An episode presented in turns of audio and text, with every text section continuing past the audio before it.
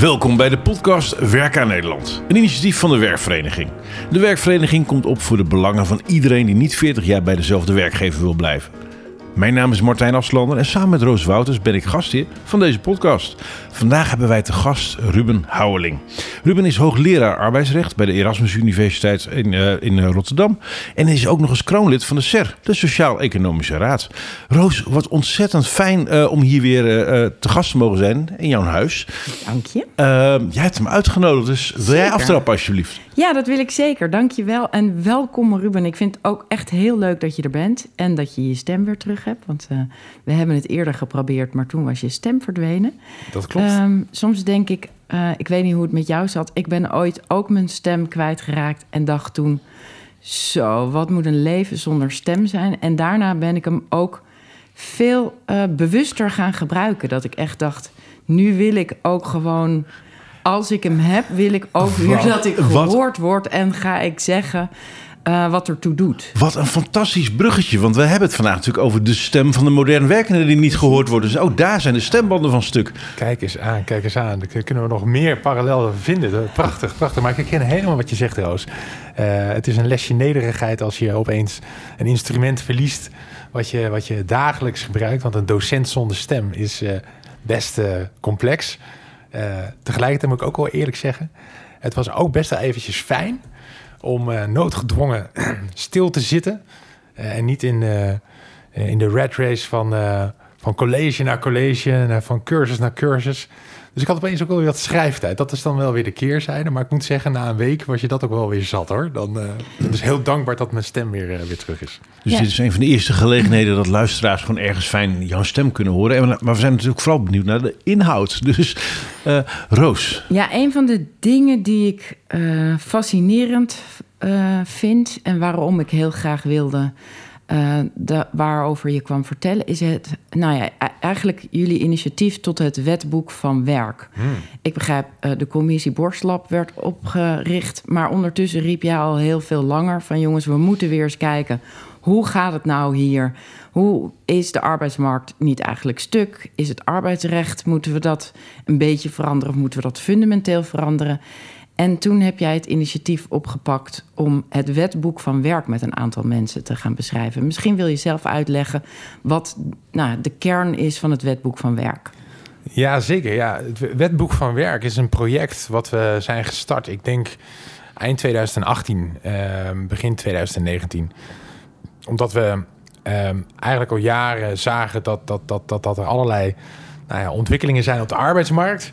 Um, en uh, we zagen vooral een reflex dat, dat, dat uh, uh, de wetgeving bezig was om nou, het, de, de, de arbeidsovereenkomst met nog meer regels vorm te geven en met nog meer ja, eigenlijk beperkingen, zoals je dat misschien zou willen zeggen. Um, in te richten. En we vroegen ons eigenlijk af, is dat nou de way forward? Mm -hmm. Maar het is ook een makkelijke manier om alleen maar te roepen van... ja, dit deugt niet en dat zou anders moeten. Als je niet zelf dan ook met een alternatief komt. Ja. Dus toen zeiden van nou, misschien moeten we dan ook hand in eigen boezem steken en zeggen ja, uh, uh, kom dan met, met, een, met een alternatief. Toen zijn we met een aantal mensen, uh, Max Keulaerts, Tom Wildhagen, geweldenaar uit, uit Tilburg, briljante persoon. Maar ook iemand als Hanneke Bennaars en nog vele anderen. Een mooi gemeleerd gezelschap van wetenschappers, mensen uit de praktijk. zijn we gaan samenzitten en zeggen, kunnen wij een alternatief verzinnen? Wat als je vandaag eigenlijk de opdracht zou krijgen, zoals nou, drukker, hè? De, de, de persoon die in de, de 19e eeuw uh, de opdracht kreeg van... Pieter Drucker. Ja, dat is een, dat is een heel wijs persoon geweest in, uh, in, in, uh, in alweer bijna twee eeuwen geleden, die de opdracht kreeg van ga jij nou eens nadenken over regulering van werk. Ja, en dan zitten we in 1800, eind van, van, de, van de 19e eeuw, waarin we in een sociale kwestie zijn beland in, in Nederland. En de regering zei, ja, hier moet een passend antwoord op komen. We zien werk veranderen. Het is niet meer de agrarische samenleving, maar we zien urbanisatie. We zien dus de, de verstedelijking. We zien uh, de, de, de, natuurlijk de, de grote ja, de, de uh, economische revolutie in de zin van de machinewerk, de fabriekswerk wat opkwam. En daar hadden we eigenlijk geen goed antwoord op. Ja. Nou, toen is drukker aan de slag gegaan. Nou, eigenlijk zeiden van, stel nou dat je vandaag de dag, hè, zou, zou zeggen, er is helemaal geen arbeidswetgeving En je zou de opdracht krijgen, hoe zou je dat vormgeven? Gewoon vanaf Opnieuw een beginnen, ja. Ja. Van scratch. Hè? Dus probeer niet in je... En dat is natuurlijk moeilijk, want we zijn allemaal opgegroeid. Is net als dat je zegt van... Dus denk even weg dat we Nederlands spreken. Ja, kan Eh, niet. en je gaat een taal ontwikkelen. Hoe zou je Ja. dan spreken? Dan begin je al gelijk van... Nou ja, ik zou denk ik met, met de en en en... Ja. Eh, omdat dat in je habitat zit Ja. natuurlijk.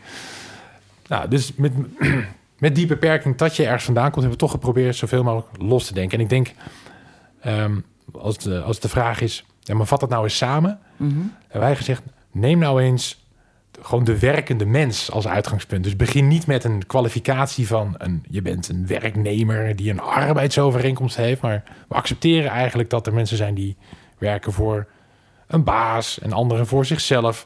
Eh, en soms doen ze dat gecombineerd. En dus je zegt eigenlijk, er zijn heel veel mensen die werken. Dat zijn vrijwilligers, dat zijn mensen die een onderneming hebben... dat zijn mensen die eh, voor anderen werkzaam zijn... Maar neem dan gewoon die groep als persoon Ja. Iemand die werk verricht. Nou, wat zou je die persoon toewensen aan, eh, aan, aan bescherming? En wat heeft die persoon nodig? Nou, en dan, dat noemen we uiteindelijk de contractsvorm vrije bescherming. Dus het maakt eigenlijk niet uit welk type contract jij hebt Ja. voor de bescherming die jij misschien nodig moet hebben. Nou, als je dat als uitgangspunt neemt, dan, dan, dan neem je een iets ander uitgangspunt. Dat zeg ik misschien wat eh, eh, met een understatement. Maar dan neem je een iets ander uitgangspunt dan wanneer je zegt... we hebben de arbeidsovereenkomst eh, en daarbuiten hebben we eigenlijk niks. Ja. Of, of, of heel weinig, want iedereen moet eigenlijk de arbeidsovereenkomst hebben. We zeggen, nou ja, hoezo moet iedereen een arbeidsovereenkomst hebben? Maar misschien zijn er wel gemeenschappelijke delers... waarvan we vinden dat is misschien handig dat iedereen of een groot deel daar wel aanspraak op maakt. Nou, zo zijn we eigenlijk begonnen Ja. Eh, met schrijven. En dat was een buitengewoon mooi, eh, mooi proces. En de reden dat we dat deden, is dat we eigenlijk dachten... eh, we hadden een oproep gedaan van... We, we kwamen net uit eh, een grote wetswijziging. En dat was in 2015, de wet werk en zekerheid. Ja. En dat gaf allerlei spelregels ook allemaal weer... Het werd allemaal complexer. En toen zeiden we van ja, dat, nou, dat moet je misschien anders doen. En we riepen toen op van, eh, u, eh, de, de regering zou eigenlijk met een staatscommissie moeten komen... die eens goed gaat nadenken over regulering van werk. Ja. Maar we dachten ook, ja, dat kan je wel roepen, maar dat gebeurt toch niet. Dus Nee. laten we het dan zelf doen. Ja. En de grap was dat eigenlijk gaandeweg dat proces... Hè, dus wij begonnen zo eh, eind 2018, begin 2019... Op, en op een gegeven moment krijg ik een belletje van... ja, ehm, er komt, of eind 2018 zag ik een, kwam natuurlijk het bericht uit... van ja, er komt een staatscommissie. Nou, Ja. met iemand van een van jullie sprekers hier in deze prachtige podcast... natuurlijk Evert Verhulp die daarin in zat... En maar ook Saskia Klossen, hoogleraar in, eh, in Maastricht. eh, en ehm, Hanneke Bennaars. Eh, en het mooie was, die, die zaten ook in ons clubje. Ja. eh, die, die laatste twee. Dus we hadden een hele natuurlijke link, eh, ja, linking pin eigenlijk... met de commissie Borslap, die werd gevormd. Ja. En toen hebben we ons even de vraag gesteld... van, ja, moeten wij dan wel verder? Want eigenlijk, Ja. we wilden een commissie, die komt er nu. Ja. Maar toch ja, één, we, zijn, we zitten hier toch een beetje als, als nerds bij elkaar. En we vinden het onderwerp veel te belangrijk en veel te leuk ook. Ja. Eh, dus, dus laten we doorgaan. Maar twee, dat, dat gebeurde eigenlijk gaandeweg. En dat vond ik buitengewoon eh inspirerend en ook wel heel mooi. Is dat we ook al zagen dat wij met ons wetboek van werk, wij waren vrij. Hè, we hadden geen politieke opdracht. Ja. Wij hadden niet ook de opdracht van zorg voor draagvlak. Dus wij konden ook wat vrijer denken. En wat, wat, wat, wat, wat rigoureuzere standpunten innemen. Ja. Waarin we ook al zagen dat, dat de commissie Borslap dacht van... hé, dat is mooi, want als jullie dat, dat eens roepen... en Ja. dan zien wij ook wel de weerstand, eh, of juist de niet-weerstand... en weten wij dus ook van waar kunnen wij misschien een klein beetje mee liften... of juist een hele andere kant op gaan. Ja, dus jullie mochten eigenlijk de, de spannende dingen... werd bij jullie neergelegd om te lekken, bij wijze Hm. van spreken. Zoals het tegenwoordig in de politiek gaat. Dat je even kijkt, als we het lekken, wat is dan de, Ja, de reactie erop? ja. Oké, die gaan we dan weer in het... In Nou, het oes, nou, nou zijn ze te boos, doe maar even rustig. Ja. Eh, ja, ja. Of eh, is het zo dat jullie eigenlijk stap, het, de vervolgstap na Borstlab hebben vormgegeven? Ja, ik denk wel dat, dat, dat we redelijk in die zin ook echt wel heel autonoom waren. Eh, dus ik denk dat wij een heel duidelijke visie hadden en nog steeds hebben. Mhm. Van waar zou het naartoe moeten gaan. Eh, en toen wij hebben gezegd, nou, wij, wij zetten die stip op de horizon. Wij, gaan daar, wij, wij hebben daar een, eh, een verhaal bij. En ik denk ook wel een heel goed verhaal. En ik denk dat Borslap eigenlijk heeft gezegd... hé, hey, ik, ik, ik zie dat ook. Mhm. Maar dat zijn te grote stappen. Ja. Die, als ik dat nu aan papier ga toevertrouwen en dat eh, als opdracht geef voor, eh, voor, voor de regering, dan wordt het ingewikkeld. Maar de grap is, eh, ik was gisteren bij Reuring Café. Dat is een uh, maandelijks, of een twee maandelijkse bijeenkomst van allemaal topambtenaren met elkaar over zaken. En daar, daar zeiden nogal, dit zijn er niet de minste. de jongen van het Centraal Planbureau, heet die Paul, zat er. En nog wat van die figuren, mm -hmm. van de Belastingdienst, die zei van ja... Het probleem is dat we nu zoveel druk hebben op, uh, op het systeem en zoveel crisis, is omdat we heel lang geen onderhoud gepleegd hebben. We hebben verzuimd te bewegen. Dus da, dan moet je, ja, als je heel lang niet beweegt, ja, dan moet je in één keer gaan rennen, krijg je druk. Ja. Als Borslap zegt, ja, dit, dit zijn te grote stappen. Ja, die werkelijkheid die snap ik. Aan de andere kant, ja, maar misschien leven we juist in een tijd met deze huidige arbeidsmarkt dat die grote stappen juist wel nodig zijn. Hoe zie jij dat? Eigenlijk twee dingen. Um, Eén, ik denk dat heel belangrijk is, en ik, ik deel die analyse, uh, uh, dat je als regering, als bestuur eigenlijk van een land, moet je besturen. En ja. bestuur is, al, is, is, is, is, als het goed is, niet hè, de, de, de brandjesblussen die er op dit moment zijn. Daar heb je als het goed is dan uh, mensen voor die ja. in, in de organisatie zorgen dat brandjes worden geblust. Ja. Maar je probeert natuurlijk vooral de lange termijnlijn uit te zetten. Mm -hmm. nou, en in die zin ben ik natuurlijk van harte eens dat je zegt, ja, je moet natuurlijk die stip op de horizon, die moet, of die visie daarop, over waar staan wij in 2040 of 2050 als samenleving en qua uh, wat betekent dan de factor werk mm -hmm. voor mensen of arbeid, zoals je wil. Um, en hoe verhoudt zich dat tot nou ja, alle andere aanpalende domeinen als hoe leven, uh, hoe zijn we gehuisvest, hoe scholen we. Daar moet je een heel duidelijk samenhangend visie voor hebben en een beeld. Mm -hmm. En daar moet je naartoe werken. Mm -hmm. Ja, want een simpel voorbeeld, als je zegt van oké, dat betekent wat voor de fiscaliteit. Dan, dan, dan, dan zal men zeggen, oké, maar de fiscaliteit, dat betekent we moeten regels wijzigen. Nou, dat kost, een, dat kost anderhalf jaar als je het heel snel doet. Ja. Maar dan heb je alleen de regels gewijzigd, dan moet je het gaan uitvoeren. Dan moet de uitvoeringsorganisatie uh, daar, klaar voor daar, daar, klaar voor zijn en bement zijn. Dus je hebt het al heel snel over een implementatietermijn van een jaar of acht. Wil je zo'n transitie uh, dan moet je daarom juist die grote stappen doen. Want als je nou een kleine stapjes doet en het duurt acht jaar, dan ben je over 30 jaar toe aan die grote stappen die eigenlijk nu nodig zijn, toch? Bovendien denk ik, om even in te breken, dat we dat punt op de horizon, dat we nu naar achter aan het bewegen zijn. Ik weet niet of je die herkent, maar ik denk het vaste contract weer tot de norm maken is juist volgens mij als je gaat kijken van hoe kunnen we voorzien dat mensen in, in 2050 gaan werken uh, ja, dan kan je ze wel een vast contract geven. Maar van wat? Ik bedoel, wat is er dan nog vast aan? We worden toch volgens mij steeds meer fluïde, willen steeds meer verschillende werkvormen en, en, en werk combineren. Um, dus welke zekerheid bied je mensen dan nog ja. door zo'n vast contract te geven? Nee, en ik, ik, ik snap die vraag en ik zie ook de, de, de, de de, de reflex om van uh, dat vaste contract is dat niet, uh, ziet we toch niet in die, in die, weer in de kramp van uh, we hebben de arbeidsovereenkomst en het liefst eentje voor onbepaalde tijd en, en, en het liefst voor toch maar 40 jaar bij dezelfde partij. Ja. En is dat niet heel erg ouderwets gedacht? Maar als je die heel even parkeert, ja. mm -hmm. dan krijg je denk ik, en daar denk ik dat, dat, dat, dat zeker ook het, de commissie Borslap, het rapport van de commissie Borslap, en voor een ja, voor deel misschien ook CER-MLT. Dat zijn wel twee gescheiden documenten. Die zie ik ook echt mm -hmm. gescheiden. Maar zeker commissie Borslab. Die zegt denk ik wel iets over die stip op de horizon. En die lange termijn. Zeggen ze denk ik wel een paar dingen waar uh, wij in ieder geval vanuit het wetboek van werk project ook zeiden van... hé, hey, daar vinden we elkaar heel erg. En dat is um, dat je wel met elkaar nadenkt van wat... Nou, zijn er alle werkers, wat zij alle werkers toewensen? Dat is eigenlijk uh, een modern noem het toch maar even, een modern sociaal zekerheidsstelsel. Ja. Um, en een simpel voorbeeld is, hè, de, de, de, de, we vinden het uh, bekend voorbeeld ook wel, maar ik noem het toch eventjes. We vinden het allemaal volstrekt normaal in Nederland dat iedereen die hier woont, mm -hmm. die krijgt op zijn nou, 67ste, misschien tegen die tijd 70ste, krijgt die AOW. Mm -hmm. Nou, dat, dat noemen we dan een volksverzekering, omdat we uh, het risico van oud worden hebben willen verzekeren. Ja. Mm -hmm. Nou, als je dat vindt voor oud worden, wat denk ik voor velen van ons uh, niet echt een heel groot risico is. Nee, dat en, zie je wel aankomen. Ja, en, en gelukkig hè, eh, zijn we, en is het mede, nou, we begonnen net over, hey, je stem is weer terug. Ja, mijn stem was even weg, maar gelukkig met wat medische ingreep is die, uh, was weg, maar die is met medische ingreep weer terug. Hè. We, we, leven gelukkig in een land waar we heel veel kunnen, maar het oud worden is steeds minder een risico, mm -hmm. omdat we gewoon ouder worden met, met elkaar. Ja. Maar daar vinden we het volstrekt normaal dat we zeggen, als collectief, als samenleving, maken we daar een potje voor. Ja. Mhm. Op het moment dat we het gaan hebben over een echt risico, en dat is namelijk dat we ziek worden. Hè, ik zit hier, maar voor hetzelfde geld vindt er op dit moment een, een celdeling in mijn lichaam plaats, die Ja. ik nu nog niet voel, maar waar ik over een half jaar heel veel last van ga krijgen en ga uitvallen. Mhm.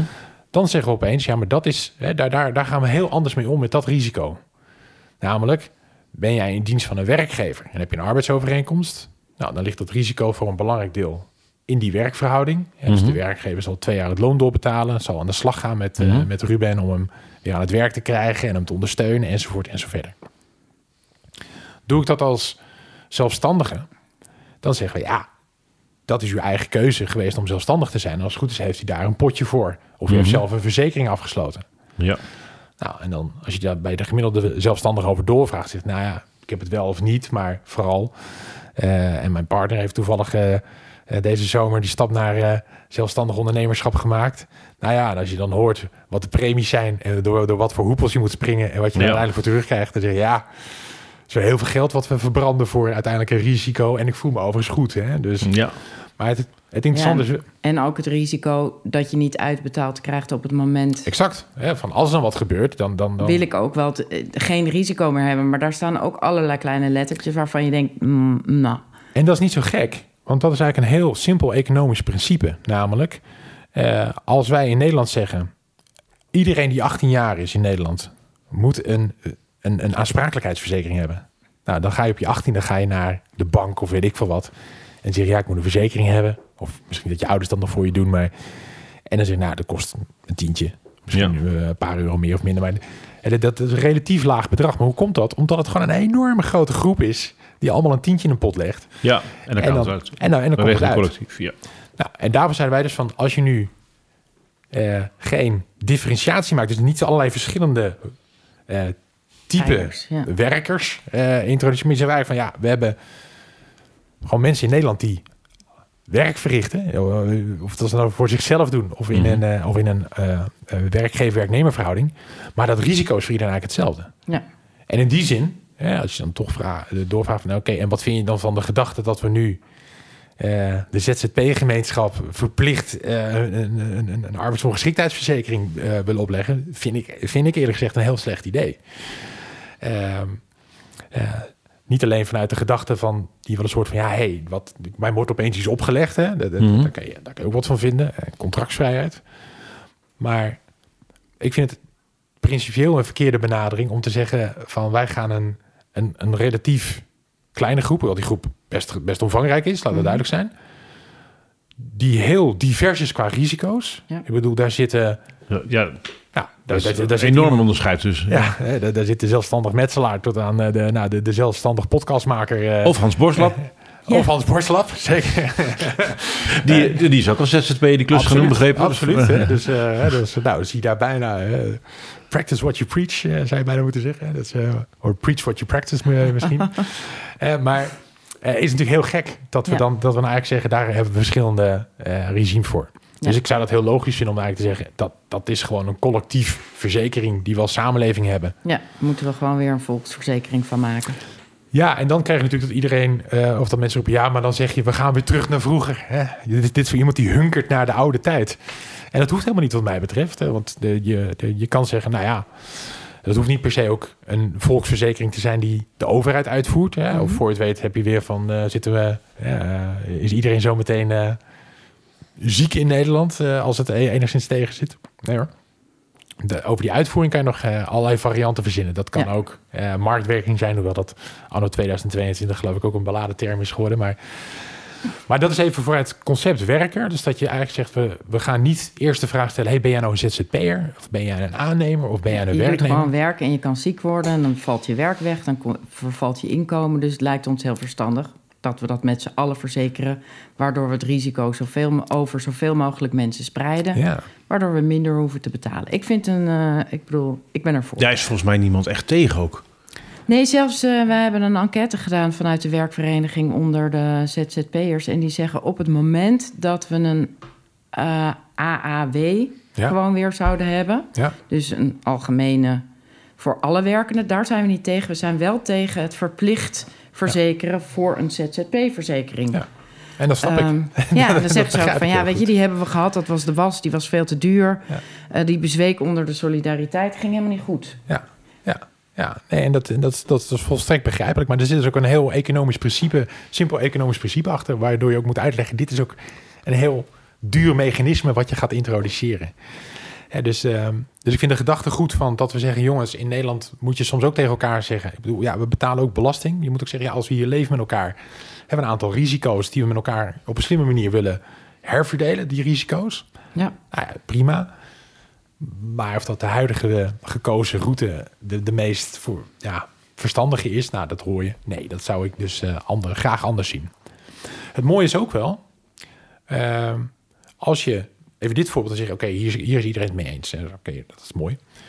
Maar hoe lang je erover nadenkt, dan zeg je eigenlijk, en daar geloof ik eigenlijk steeds meer in, dat voor werk, hè, en ook van de toekomst van werk, ehm, dat waar denk ik de, nou ja, de regering of het kabinet of Den Haag geeft het een eh, titel, maar de komende tien jaar denk ik enorm in zou moeten investeren. En als je het hebt over achterstallig onderhoud, ja, dat, dat hebben we echt laten liggen. Met elkaar, moet ik misschien ook zeggen.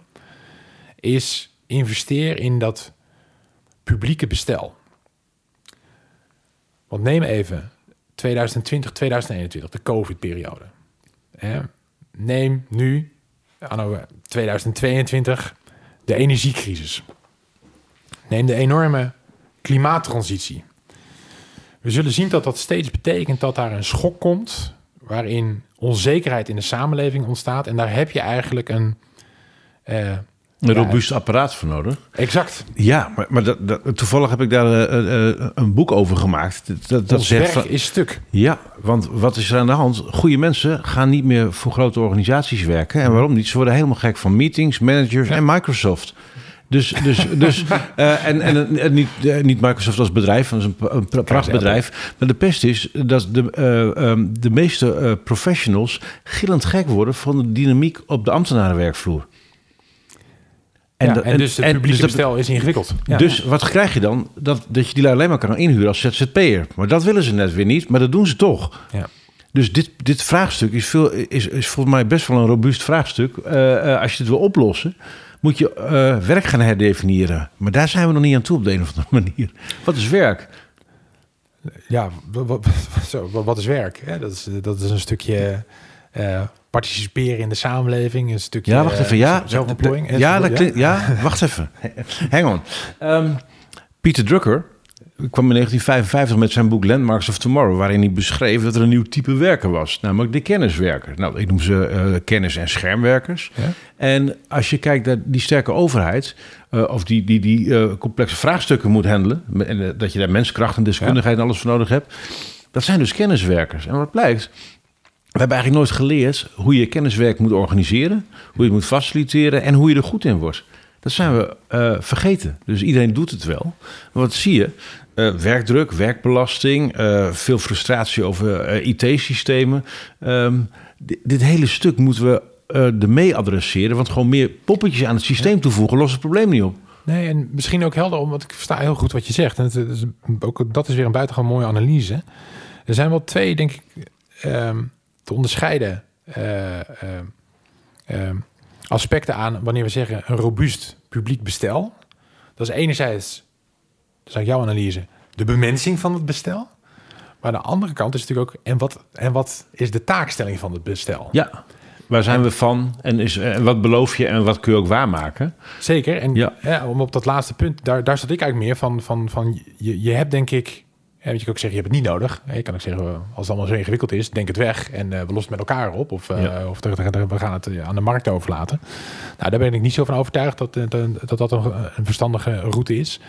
Maar publiek bestel, wa- nou, dus, wa- wa- wat je denk ik de komende eh, periode steeds vaker zal zien, is dat er grote druk komt en onzekerheid over... hey, er valt iets weg. Eh, en of het nou een stikstofvraagstuk vraagstuk is of een bouwcrisis... of hè, en er komt een beroep op van help. Ik, ik, ik, of ik moet, hè, de, wat we natuurlijk roepen, hè, de scholing... of de transitie van werk naar werk, allemaal mooi. Maar dat je steeds terugvalt op een... Nou ja, op een, noem het instituut, orgaan... ik noem het publiek bestel, die zegt, en wij kunnen daarin faciliteren. Dus wij zijn niet degene die je beperkt of regels oplegt, maar wij faciliteren en wij zorgen voor eigenlijk een stukje rust. Hè? Dus het moment dat iemand zegt, ik wil als werknemer parttime een bedrijf starten, dan wil ik niet tegen allerlei ingewikkelde regels aanlopen. Dan wil ik niet horen van, ja, maar dan als u dat doet, dan, dan, dan het is het een of het ander. Want u krijgt of de fiscaliteit als ZZP'er of u krijgt het niet. Nou, eh, dus dat moet een slim publiek bestel zijn wat jou in staat stelt. Om bij te kunnen dragen, mee te kunnen puzzelen. Exact. Ja. En dat zal ook keihard nodig zijn. Eh, willen we, want dat is je tweede punt. eh, want dan noem je de elementen van waarom werkers soms zeggen: ja, ik word helemaal, ja, eh, laat mij maar, laat, mij- laat mij maar als zelfstandige, want dan ben ik af van Van het gedoe. ballast uit deze organisatie. Ik ben de organisatie eigenlijk beu. Ja, ja, dus wij noemen die lui hier ook met een knipoog hiërarchische vluchtelingen. Ja, hier, nou prachtig, prachtig. Nou, kijk, de, de andere werkelijkheid is natuurlijk hè, dat we, eh, want dit wordt uiteindelijk eh, zo'n zo'n wal-schip verhaal. Want de andere werkelijkheid is natuurlijk, als je, en dat zien we nu overal gebeuren, en ook dat is weer, als het gaat om onderhoud plegen aan het systeem. Je hoort nu links en rechts, oh, de krapte op de arbeidsmarkt, de krapte op de arbeidsmarkt. Alsof het ons is overkomen. Ja. Zo van, eh, COVID was weg en opeens was er krapte op de arbeidsmarkt. En daar gaan we ook een medicijn voor verzinnen en dan is dat binnenkort Ja, weg. demografie is toch iets wat we, wat we gewoon verplicht moeten maken als vak op school. Van hé, hey, er gaan mensen met pensioen. Ja, wat En gebeurt er komen dan? aan de onderkant minder jongen bij. Eh, Ja. eh, ja. Dus, dus, ja, je, dus even de optelsom. Als je dat natuurlijk ziet, dan zeg je, we we gaan... Nou ja, de verwachting is nu tot zeker eind dit decennium. En dus de komende tien jaar zal die krapte alleen maar enorm gaan toenemen. En die druk, eh, zeker op, op, op, op bepaalde publieke bestellen, gaat waanzinnig worden. Eh, en dan neemt de zorg Ja. enorme uitdaging. Ja, daar vind ik wel wat van. Eh, ik ben twee dagen per week vrijwillig eh, bij Ja? de politie. Kijk, zolang de- wij bij de overheid denken... eh, want ik vind namelijk de overheid, dat zijn wij allemaal. Want wij denken nu even in deze, in deze discussie eh, over eh, de overheid als apparaat. En, eh, en daar werk je. Eh, de over, eh, we moeten een krachtig publiek bestel hebben. Daar ben ik ook wel voor, moet ik zeggen. Ehm, maar bij de politie bijvoorbeeld hebben 65.000 mensen werken. Ik weet zeker dat er. eh, Maar dat wil niet zeggen dat die alle vraagstukken moeten oplossen. Ik weet zeker dat er 300.000 Nederlanders. Dat heb ik getoetst bij allerlei optredens en zalen. Er zijn zeker 300.000 Nederlanders die behoorlijke eh, skills hebben. Die met liefde 10 tot 20 uur per jaar doneren aan de politieorganisatie. Maar, maar dus, dus we willen eigenlijk wel helpen, dat is even heel specifiek politie. Alleen het apparaat stelt ons nog niet in staat om zo naar werk te kijken. Hadden hier vorige keer hadden we hier eh, van Roomler. En die zegt, ja, maar wat nou als je een deel van het werk gewoon ziet als een bult met taken die je met heel veel mensen gewoon kan uitvoeren. Dus wat als we, als we nog een stapje verder gaan en we gaan gewoon werk als zodanig herontwerpen. Ja, zeker. En dan, voor je het weet, eh, praat je natuurlijk over, over arbeidspools. Hè? eh, van, van, we hebben gewoon, en dat kunnen gewoon- regiopools zijn. Hè? Er liggen workloads met work. Oké, hoe kunnen we helpen? Ja, kijk, en eh, je zit hier natuurlijk, ook al zitten we in, in, in, een, in een stad... eh, die ik als eh, gezonde Rotterdammer natuurlijk met 020 moet eh, bestempelen. Ja, je bent hier vrijwillig, hè? even on the record. Ja. Maar de 010er, hè, die spreekt natuurlijk werk enorm aan. Eh, ehm, maar voor je het weet zeg je, we hebben een soort, soort, soort eh, de, de 010 pool. Gewoon ieder in de regio, eh, Rijnmond-regio. hè, ja, die- kom even helpen. Nee, dus, dus, eh, maar ik denk dat je die beweging ook al op terreinen ziet. Tegelijkertijd, laten we daar natuurlijk ook eerlijk in zijn. Ehm, eh, dus in die zin, altijd is alles natuurlijk complex. Als het zo eenvoudig was, dan hadden we het natuurlijk morgen al opgelost met elkaar.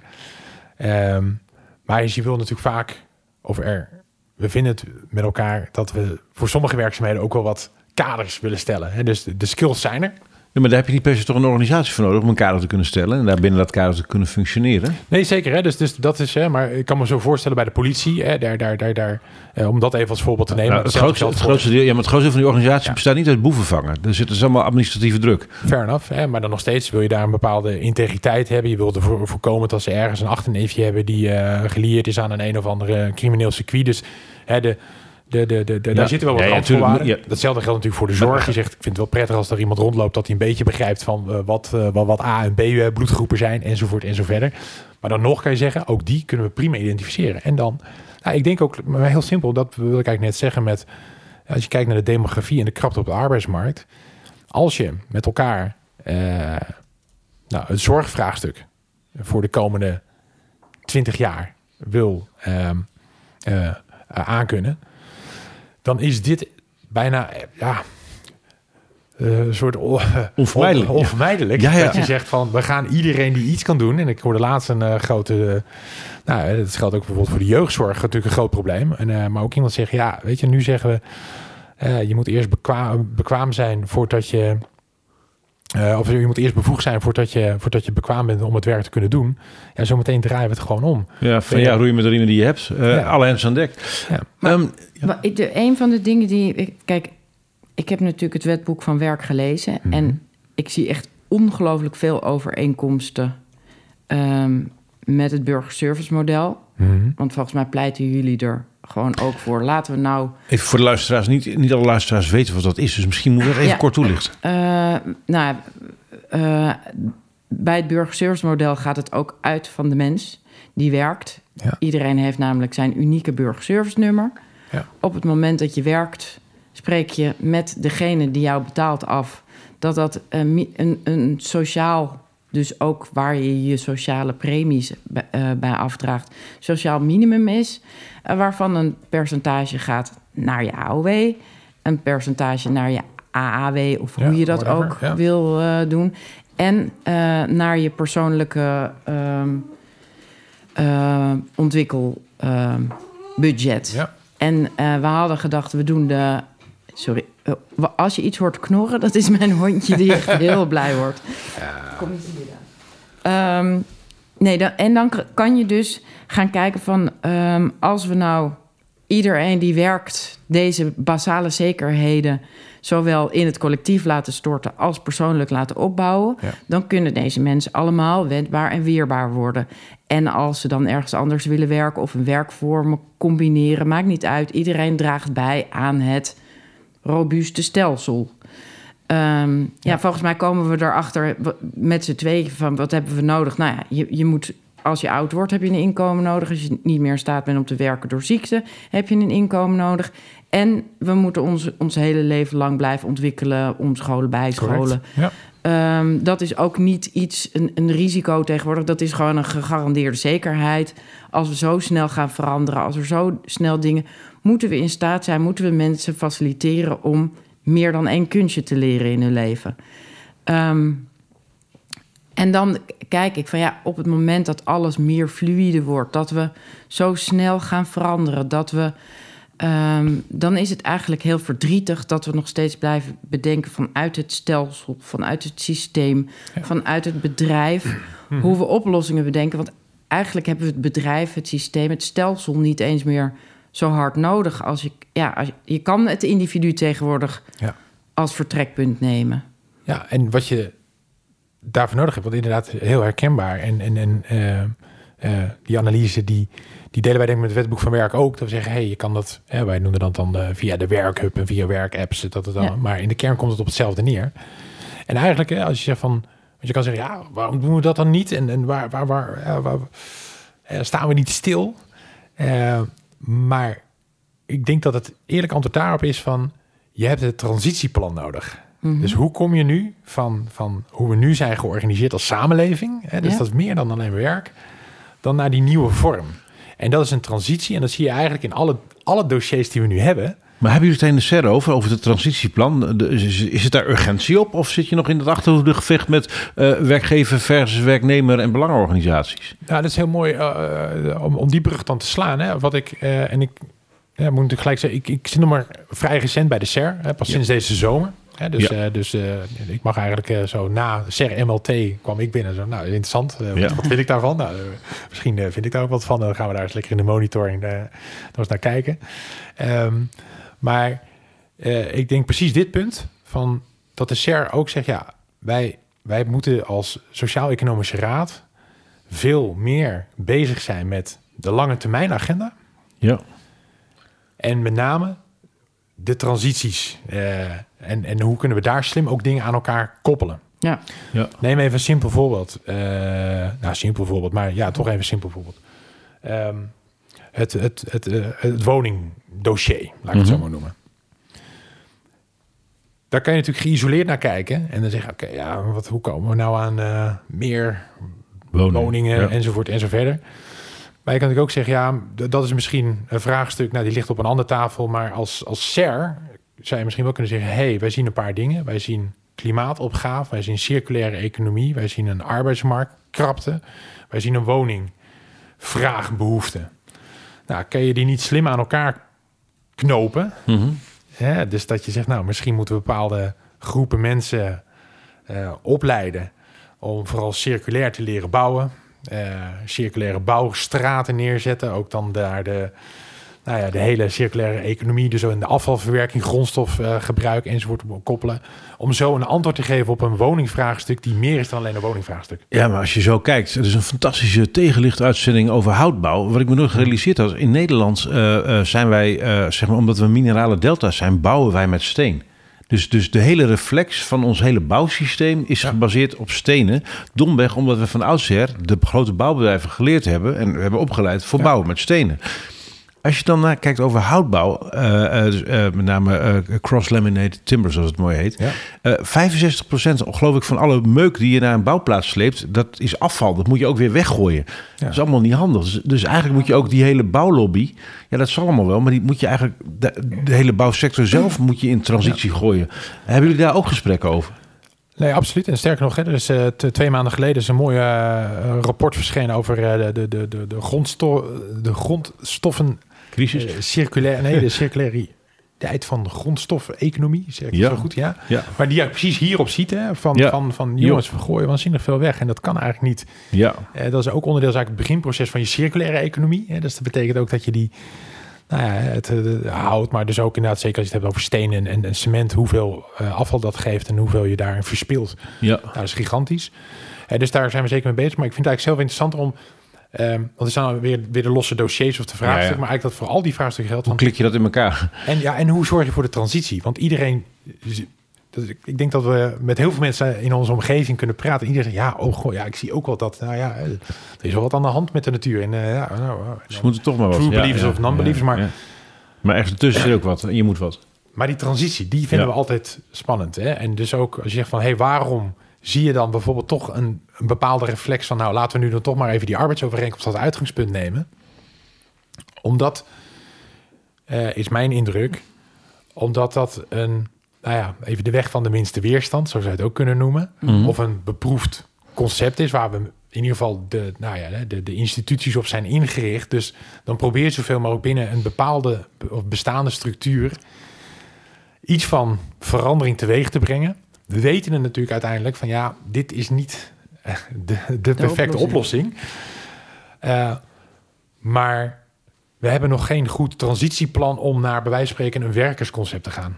Ja. Nou, en wat natuurlijk mooi zou zijn, en wat ik zei, eh, ons allen in Nederland enorm zou toewensen, is dat je zegt, nou oké, voor nu is het oké als we zeggen we, we, we houden die stip op de horizon scherp met elkaar. Mhm. En als dat betekent, hè, dus borstlap, wetboek van werk, maar ook jouw mooie club, Roos.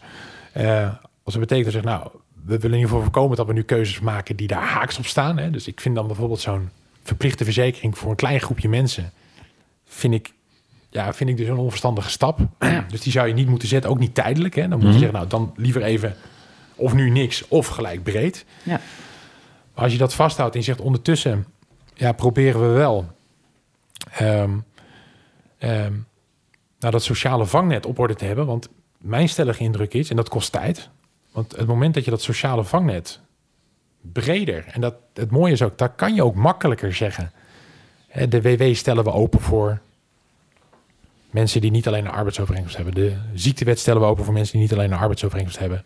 De, dat, is, dat is veel makkelijker dan wanneer je begint over... ja, en hoe zit het met transitievergoedingen, weet ik wat, dat is allemaal of ontslagrechtregels. Dan moet je denk ik niet beginnen.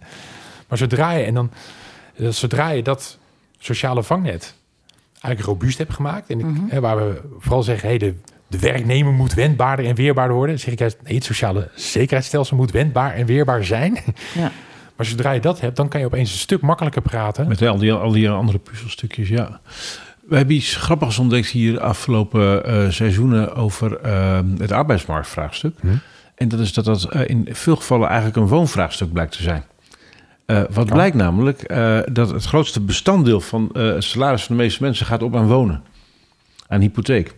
En we vroegen ons af, wat zou er gebeuren als met de arbeidsmarkt... en met, met name de mobiliteit op de arbeidsmarkt... Als mensen niet bang zijn om binnen een nu en een jaar... uit hun vertrouwde woonomgeving gedwongen weg te moeten. Omdat daar kinderen aan vastzitten, buren, vrienden, relaties, whatever, gewoontes... En Ehm, dat je een huis ja. kan krijgen zonder dat je een vast contract hebt. ja, dus, Want de, meeste mensen geven aan dat ze een vast contract willen... omdat ze dus, dus wat nou als het... willen, niet om die dus wat nou als wij in, de beleidsregio en binnen de CER nadenken over eh, inkomenszekerheid en een sociaal vangnet. Terwijl in de praktijk voor de meeste mensen komt het gewoon in. Ik wil niet gedwongen moeten verhuizen uit de situatie waar ik nu zit, omdat ik domweg eh, even niet weet eh, wat voor andere baan ik nu moet kiezen. Ehm, ik weet niet of je, of je hier iets bij, of je hier beeld bij hebt, maar, maar elke keer als we dit benoemden, zei iedereen. Hmm, Ah, ja. zo had ik er nog nooit naar gekeken. Maar, maar we hebben het vaak over inkomenszekerheid. Maar het gaat over, ehm, kan ik op de plek blijven wonen waar ik nu zit? Ik dacht, ik wil ook veel liever een vast contract met mijn huurbaas... dan met mijn werkbaas, zou ik Ja. maar zeggen. Ja. Ik, ja, dan denk ik, geld ga ik wel verdienen. Ehm, dus mensen zijn niet zo bang dat ze geen eten hebben. Ja. Mensen Nee. zijn het bangst voor het verliezen van de eigen haardsituatie. Ja. Ja. Ja, ja. ja ik zie ook fronsen van, hey, zo, zo, zo- Nee, eh, je ziet me niet van van, hé, hey, dit hoor ik, eh, maar wel van, vind ik dit ook? Ik moet eerlijk zeggen, ik vond de vorige analyses eh, scherper. Oké, dus, dus een hele lieve manier om te zeggen, nou, dat vind ik eigenlijk niet. Dat mag je gewoon, hè? daar is het gesprek voor. Ja, nee, nee. Eh, nee, want ik denk, dit, dit, ik denk dat, het, dat, dat het een stukje ja, meer omvattend is, laat ik het zo, zo maar formuleren. Ik denk dat, ehm, eh, dus als de gedachte is, maar toets me ook even dat ik hem zo goed Ja. begrijp, als de gedachte is van, eh, oh, als ik in Groningen, eh, of misschien net een verkeerd voorbeeld, eh, of in, in de omgeving van Enschede, heel makkelijk woonruimte heb, betaalbaar, dan ga ik makkelijker bewegen die kant op. Nee, dat zei ik niet. Ik zei nee. De reden dat, veel mensen hun baan niet willen opzeggen, Ja. of niet snel overstappen naar iets, naar iets anders, Ja. is omdat ze bang zijn hun hypotheek kwijt te raken. Ja, of de huur te kunnen betalen. Ja, Precies. dus op het Ja. moment dat je, dat je daar lucht creëert, Ja. zodat mensen ruimte hebben om te bewegen en te ontwikkelen en een nieuwe baan te pakken of eh, een baan te mixen. Dus dit, dit vraagstuk gaat, eh, grijpt dieper in op, op het niet kunnen krijgen van een hypotheek dan dat dat we ons tot nu toe hebben gerealiseerd. Ja. Maar dan zeggen we eigenlijk, hè, de, wat er op enig moment ontstaat in een, in een leven bij mensen, is dat er heel veel verplichtingen zijn. Dat is eh, een woning. dus doorgaans de grootste. Ja, maar ook, hè, ik, heb, ik heb misschien kinderen eh, die eh, naar school gaan, eh, die, die naar sportverenigingen gaan. Eh, nou, ik, ik, ik wil ook meedoen in de samenleving. Ja. Dat, dat, dat heeft een bepaald kostenplaatje. Ja. En als ik op een gegeven moment een, een, een, een arbeidsovereenkomst, hè, het lijkt, hè, als Mhm. ik die voor onbepaalde tijd, die lijkt die zekerheid enorm Ja. Te vergroten. En als ik natuurlijk een bepaald inkomen heb bij, bij een bepaalde werkgever, dan zeg ik ja, ik zou wel gek zijn als ik dat loslaat. Mhm. Ehm, ja, of het geeft me een stukje zekerheid. Dat hoor ik eh, inderdaad ook wel vaak. Dat men zegt, nou, het is toch een stukje zekerheid. Laat ik daar toch maar voor, eh, voor gaan. Eh, al is het alleen maar voor het pensioen. Wat misschien wordt opgebouwd via de arbeidsovereenkomst. Wat ik anders niet heb. En als ik een huurhuis heb, dan zit het niet in mijn pensioen niet in stenen. Mhm. Ja, want dat is natuurlijk wat heel veel mensen ook doen met een Ja. koopwoning. Dat is niet alleen maar... Ik wil graag een woning hebben waar ik nu zit. Maar het is ook stiekem een, eh, een, een klein stukje aanvullend pensioen eh, voor later. Dat is Mhm. gewoon een, een, een- eigenlijk een belegging voor heel veel mensen. en dan zeg je eigenlijk van ja...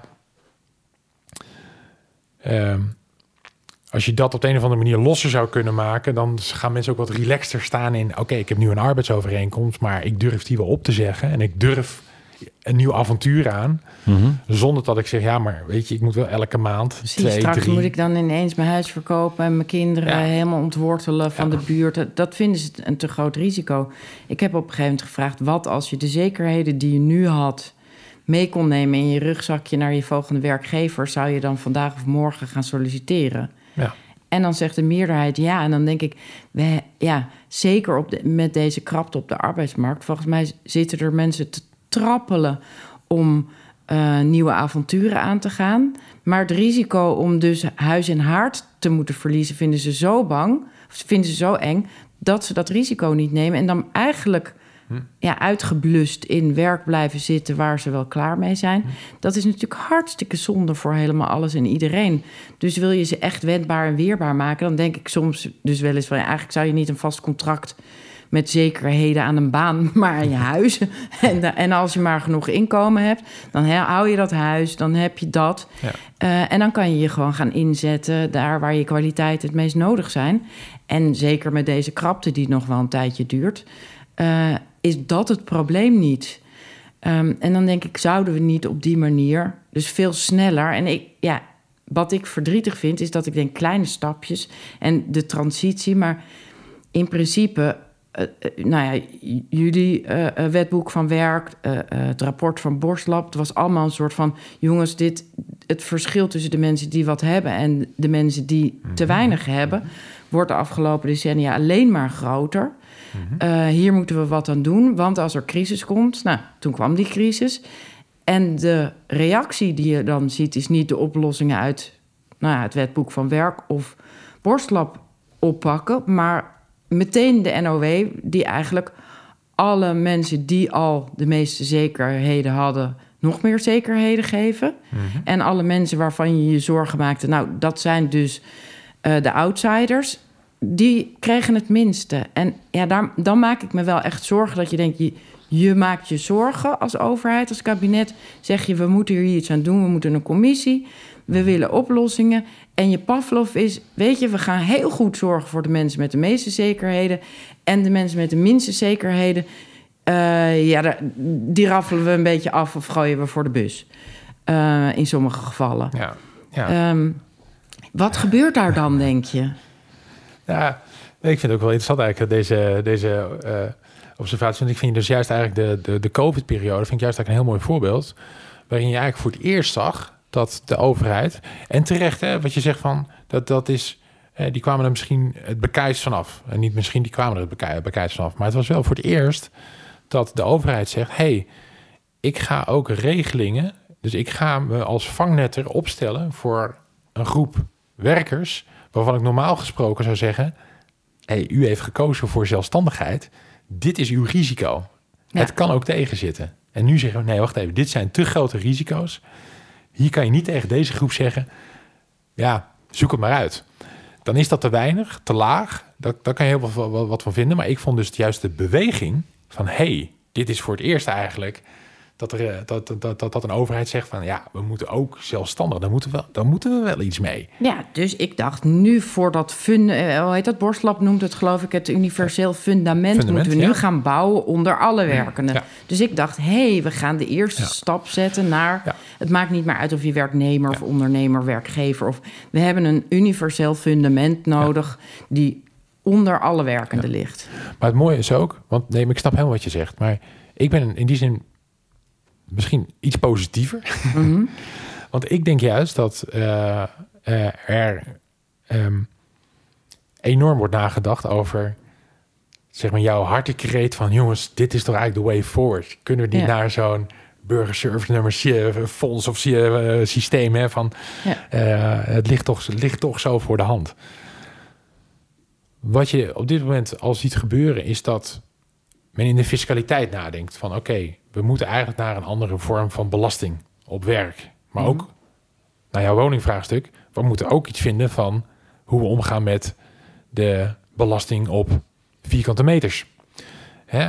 Uh, dus dat, dat vraagt eigenlijk om een enorm hervormingsplan uh, van de uh, belastingheffing. We, we, hebben al heel wat gezegd over het sociale vangnet. Ja. En wat je denk ik nu ziet is, en dat vind ik het mooie aan, aan jou in bijzonder, Roos, omdat je steeds op die, eigenlijk weer op die barricade staat en zegt, jongens, kom op. En dat hadden we gisteren al moeten regelen. Ja. Ik denk dat dat echt wel, uh, het besef er echt wel is. En dat de zoektocht nu vooral uh, uh, bij, de, bij, bij, bij, de, bij de regelgever, maar ook bij de uitvoerders is van, ehm, hoe kunnen we daar naartoe bewegen? En ondertussen wel ons huidige werk doen. Ja. Want pas ook op, hè.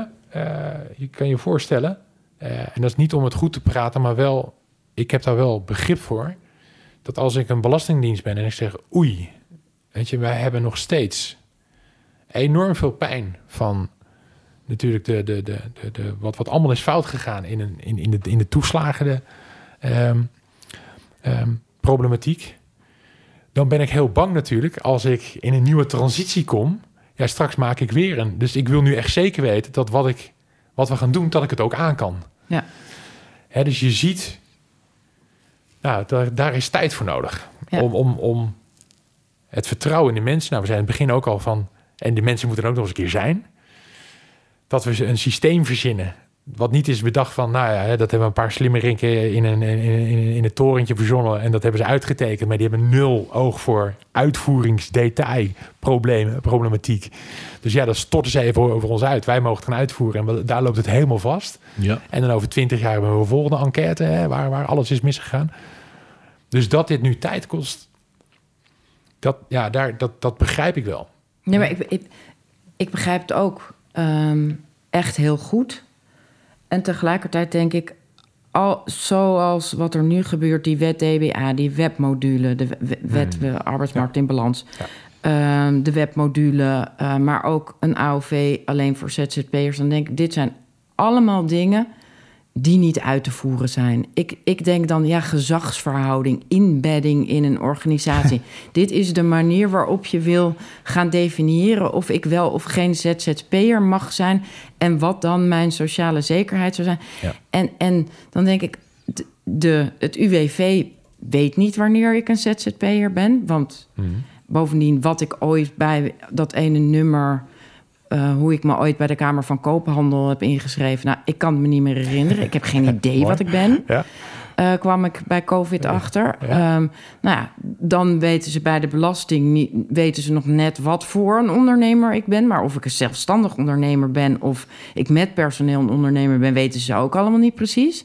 Op, weet je, als ik denk, we weten al dat dit gewoon niet gaat werken. Hoezo blijft ehm, dit kabinet dan hameren om de weg voorwaarts te doen langs De Ehm, oude lijnen. nou ja, nog meer complicaties. Want ik denk dan, oké, laten we dan gaan kijken... hoe gaan we de weg voorwaarts naar een universeel fundament... onder alle werkenden leggen... in plaats van te proberen te definiëren... wie nou wel en niet ZZP'er is... en wat een gezagsverhouding is. En om het nog complexer te maken, ehm, best veel ZZP'ers zijn werkgever. Alleen niet, die geven namelijk werk aan andere mensen. Die huren allemaal mensen in, allemaal Ja. projecten. Dus, dus, dus eh, eh, het klassieke paradigma, een ZZP'er die werkt in zijn eentje. Nee, eh, een slimme ZZP'er is sp- spin in het web en die huurt allemaal mensen in. Dus, die werk, dus hij, is eigenlijk, hij geeft werk aan andere ZZP'ers.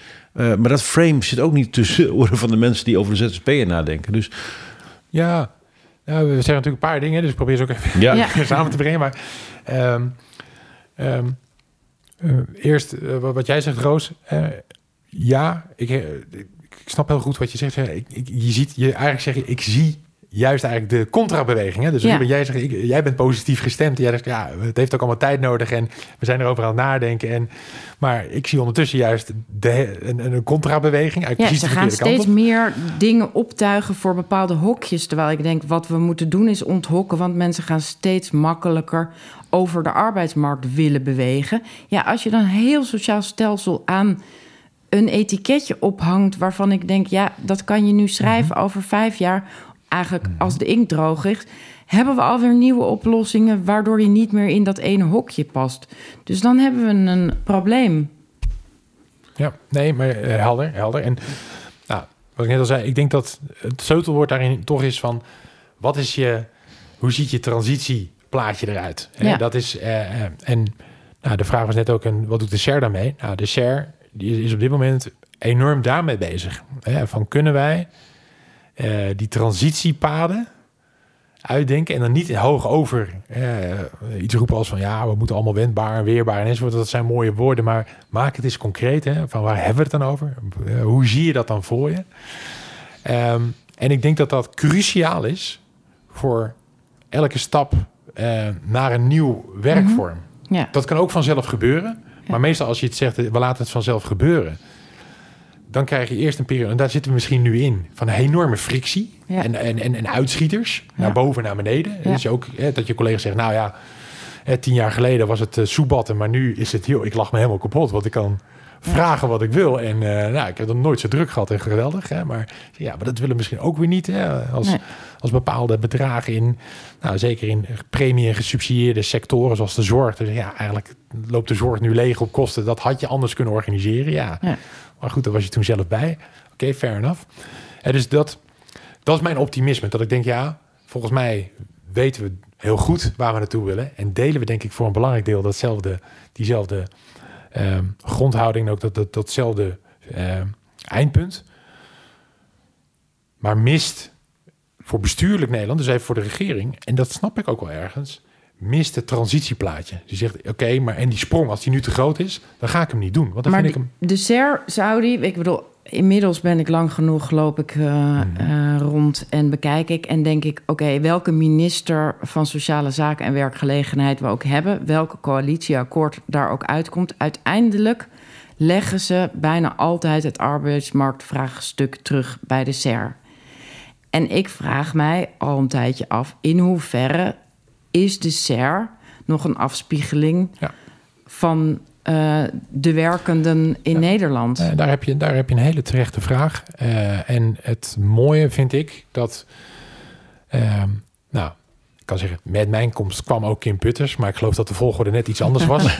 Kim Putters zat er al, en, maar is wel sinds deze zomer nu de nieuwe voorzitter van de SER. En als er nou één punt is waar onze voorzitter zich heel erg hard voor maakt, is dat hij zegt: we moeten uh, veel meer een afspiegeling zijn van eigenlijk de samenleving. Ja. En dat betekent ook dat je moet nadenken over, nou ja, je, hoe zien je, hoe zien je tafels eruit? Mm -hmm. Dus qua werkgevers, werknemers en kroonleden geledingen.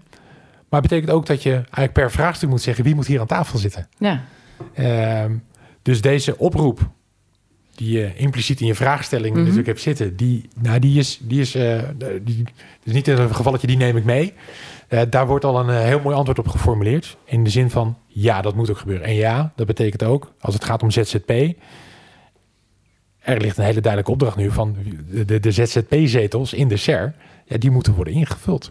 Maar het grappige is, ik weet niet, um, weet je, aan de, en je ziet kleine stapjes en tegelijkertijd heb ik ook soms het idee, ja, dat is gewoon, heet gewoon meestribbelen. Want nu uiteindelijk komen er twee nieuwe zetels, uh, als het goed is bij voor ja. ZZP'ers. Alleen alle uh, organisaties die, die um, zich hebben aangemeld om die zetels te bekleden, uh, die voldoen niet volgens de oude regels van de SER, want de SER heeft zelf regels opgesteld. Volgens mij mogen die alleen maar aan adviezen gegeven worden. Maar er wordt net alsof gedaan of de SER zelf mag beslissen wie die zetels gaat bekleden.